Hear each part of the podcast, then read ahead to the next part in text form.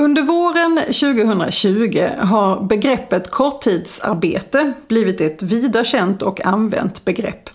Det är inte ett nytt fenomen det här med korttidsarbete men med anledning av den påverkan som spridningen av covid-19 har fått på verksamheter eh, över hela landet så har ett nytt system med stöd från staten påskyndats och trätt i kraft.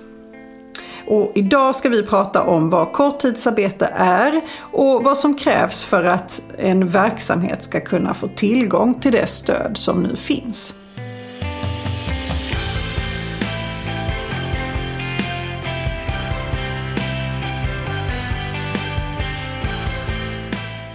Hej och välkommen till Arbetsrättspodden. Podden för dig som verkar inom HR eller hanterar personalfrågor i din vardag.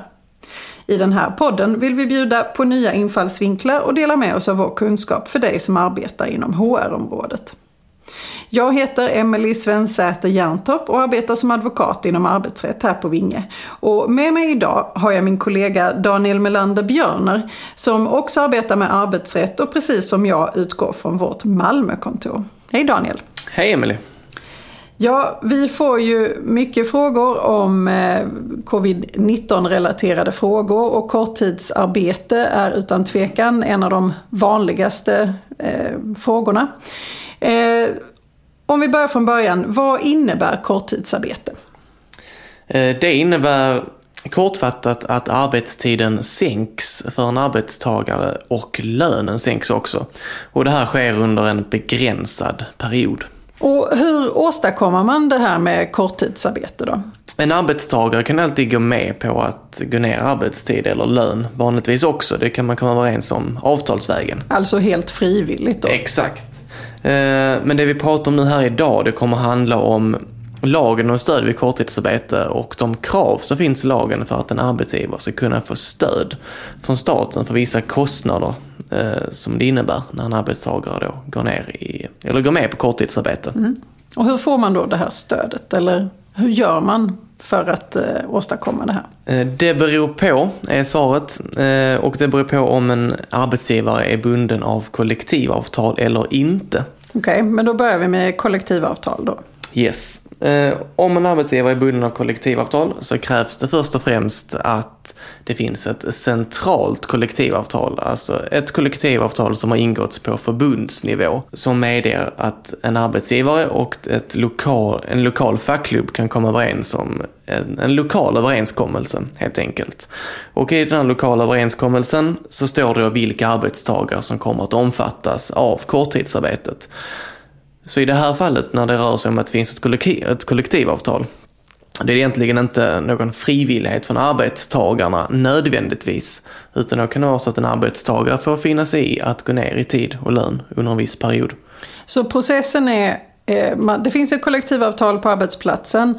Eh, parterna till kollektivavtalet, alltså på förbundsnivå, arbetsgivarorganisationerna, arbetstagarorganisationerna, kom överens om ett centralt eh, kollektivavtal om korttidsarbete. Och därefter är det då möjligt för den enskilda arbetsgivaren att komma överens med de lokala fackförbundsparterna om då ett lokalt avtal som i sig egentligen pekar ut hur korttidsarbetet ska se ut på arbetsplatsen. Precis.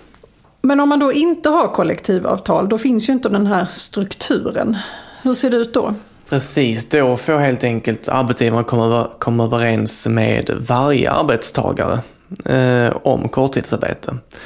Och då krävs det att arbetsgivaren kommer överens med 70% av arbetstagarna på en driftsenhet. Okej. Okay. Och 70 procent, eh, 70 procent kan vara mer än 70 procent också misstänker jag. Precis, det är minimigränsen. Ja. ja.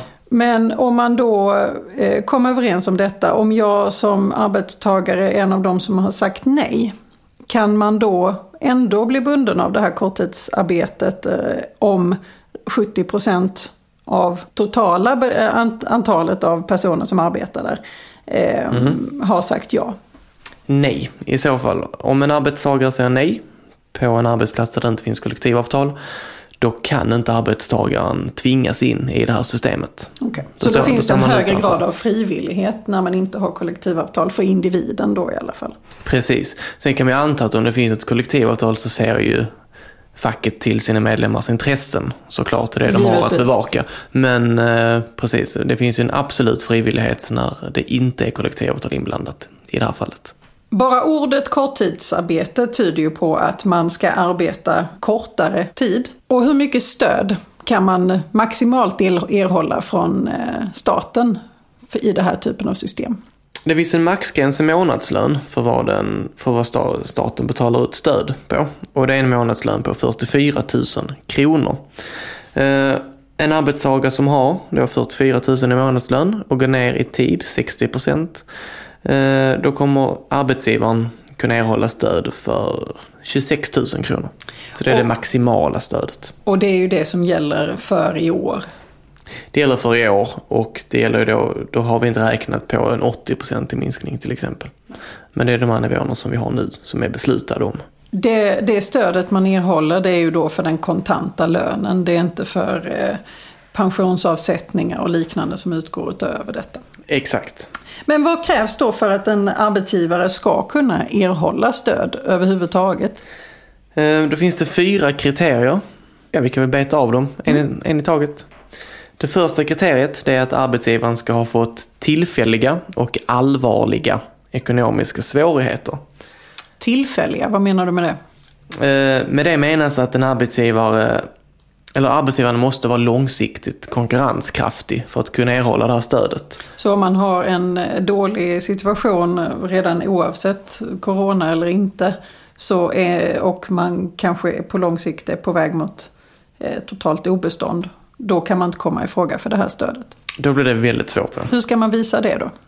Det är arbetsgivaren som har bevisbördan. Och arbetsgivaren har ju såklart totalt sett också bevisbördan för allting som man skickar in till staten eller till Tillväxtverket för att visa att det är korrekt. Och utgångsläget blir ju, eller på något sätt när vi pratar om att det ska finnas dokumentation som stödjer ens konkurrenskraftighet, så innebär det att en verksamhet som till exempel är ganska nystartad kommer jag svårare att uppfylla det här kriteriet för att det finns inte så mycket historik att basera det på utan då blir det ju naturligt sett eh, fråga om en del prognoser också.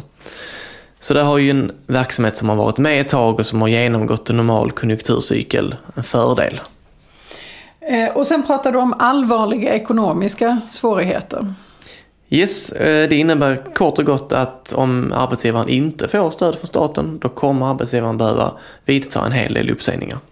Och det är väl egentligen detta som är hela syftet att med det här stödet från, eh, från staten. Det vill säga att man vill se till att så många som möjligt får behålla den arbetskraft de har under den här tiden istället för att vidta en massa uppsägningar. Precis, det stämmer.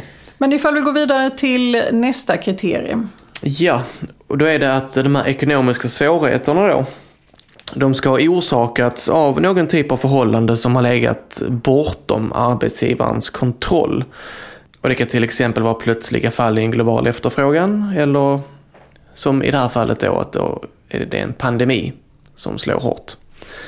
Då har vi det andra kravet och det tredje kravet det är att de här ekonomiska svårigheterna de skulle arbetsgivaren inte rimligen, hade, eller rimligen kunna förutse eller undvika. Så det innebär att en, en allmänt förväntad konjunkturnedgång inte omfattas eh, och inte heller kan funka som ett underlag för att få stöd från staten. Men faktumet att det kom en eh, global pandemi, det funkar som underlag. Ja, precis. Det är svårt. Man kan inte rimligtvis förutse det och man får väl också säga att det ligger bortom arbetsgivarens kontroll. Ehm, Så har vi det sista eh, kriteriet här som har diskuterats mycket. Ja, och det är att arbetsgivaren ska ha använt sig av andra åtgärder för att minska kostnaden för arbetskraft. Eh, och det betyder att arbetsgivaren till exempel ska ha sagt upp personal som inte är tillsvidareanställd och som inte bedöms vara verksamhetskritisk. Så stödet utgår framförallt, man, man, man siktar framförallt in sig på eh, tillsvidareanställd personal. Eh, men inte nödvändigtvis bara. För om man inte är tillsvidareanställd så eh, kan man ju ändå vara verksamhetskritisk för Absolut. verksamheten. Och då finns det ingen skyldighet att man ska ha eh, sagt upp den typen av avtal. Precis, Men då måste man göra bedömningen att man är verksamhetskritisk. exakt. Som säger, vem är verksamhetskritisk? De har man alltid rätt att ha kvar och det kan ju vara, som du säger, en tidsbegränsat anställd eller så kan det vara en konsult också för den delen. Eh, Så det här får man göra en bedömning från fall till fall i varje verksamhet och det får ju arbetsgivaren såklart göra som har bäst koll på vad som faktiskt är kritiskt. Och givetvis kunna motivera det då via en granskning. Exakt. Okej, men ifall vi då eh, har konstaterat att eh, bolaget i sig har eh, uppfyllt kriterierna för att kunna få stöd. Eh, för vilka arbetstagare kan man då få det här stödet? Kan man få det för alla personer? Oavsett vilken typ av anställning man har eller när man har blivit anställd? Eller finns det några särskilda kriterier? Nästan ledande fråga. Skulle man kunna säga att det... Nej, inte för alla arbetstagare. Eh, En arbetsgivare kan få stöd för, som utgångspunkt, de arbetstagarna som arbetsgivaren har betalat sociala avgifter för under den perioden som man söker stöd för. Och vad innebär det då i praktiken? Vadå? Eh, I praktiken Vilka man har innebär, betalt sociala avgifter för? eh, det innebär att man helt enkelt till exempel har betalat lön från arbetstagaren. Det innebär att en arbetstagare som är på föräldraledighet och uppbär föräldrapenning Eh, inte kommer att komma i fråga för det här stödet. För det är staten som betalar föräldrapenning och inte arbetsgivaren. Eh, hela syftet med stödet är att staten ska ersätta en del av arbetsgivarens kostnader. Så exempelvis innebär det att en arbetstagare som är föräldraledig innebär ingen kostnad för arbetsgivaren. Och då kan man inte heller få stöd för den. Så är det. Och anställningstidpunkten? Man ska ha varit anställd i i vart fall tre månader för att komma i fråga för det här stödet. Finns det någon skillnad, alltså gör man någon skillnad då på ifall man har en tillsvidareanställning eller ifall man har en tidsbegränsad anställning? Nej, det gör man inte. Det gäller oavsett. Så länge man är verksamhetskritisk då som tids, eh, tidsbegränsat anställd. Exakt. Kan man få stödet för konsulter? Nej, det kan man inte få. Det är för arbetstagare helt enkelt. Konsulter är inte anställda. Hur länge kan man sen få stödet slutligen? Till en början så kan man få det i maximalt sex månader. Men om det finns behov av stöd efter de här inledande sex månaderna, då kan man få det förlängt i tre månader. Efter det så gäller dock en karenstid på ungefär två år innan man kan söka det här stödet igen. Man kan ju säga att redan nu kan vi konstatera att det här är ju ett rörligt eh, system än så länge eftersom det anpassas mycket efter hur i det här läget hur den här pandemin fortskrider. Så det är ju inte omöjligt att vi får nya riktlinjer eh, även säkerligen med längden här. Men i dagsläget är det detta som gäller. Och vi ska inte gå in på detta i detalj men jag vill ändå bara kort nämna att om det är så att man eh, konstaterar att ja, men man, man vill gärna tillämpa korttidsarbete och man vill eh, då ansöka om sådant stöd.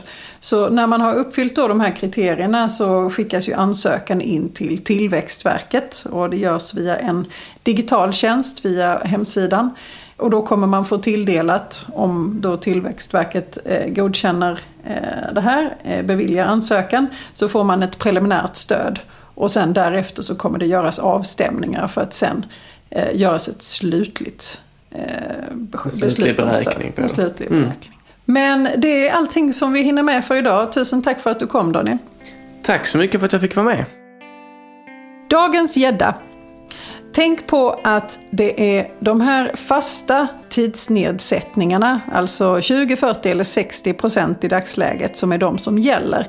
Men det är inte så att man behöver behålla samma arbetsnivå under hela stödperioden. Det viktiga är att det i ett eh, genomsnitt uppgår till den eh, nivå av stöd som man faktiskt har sökt för.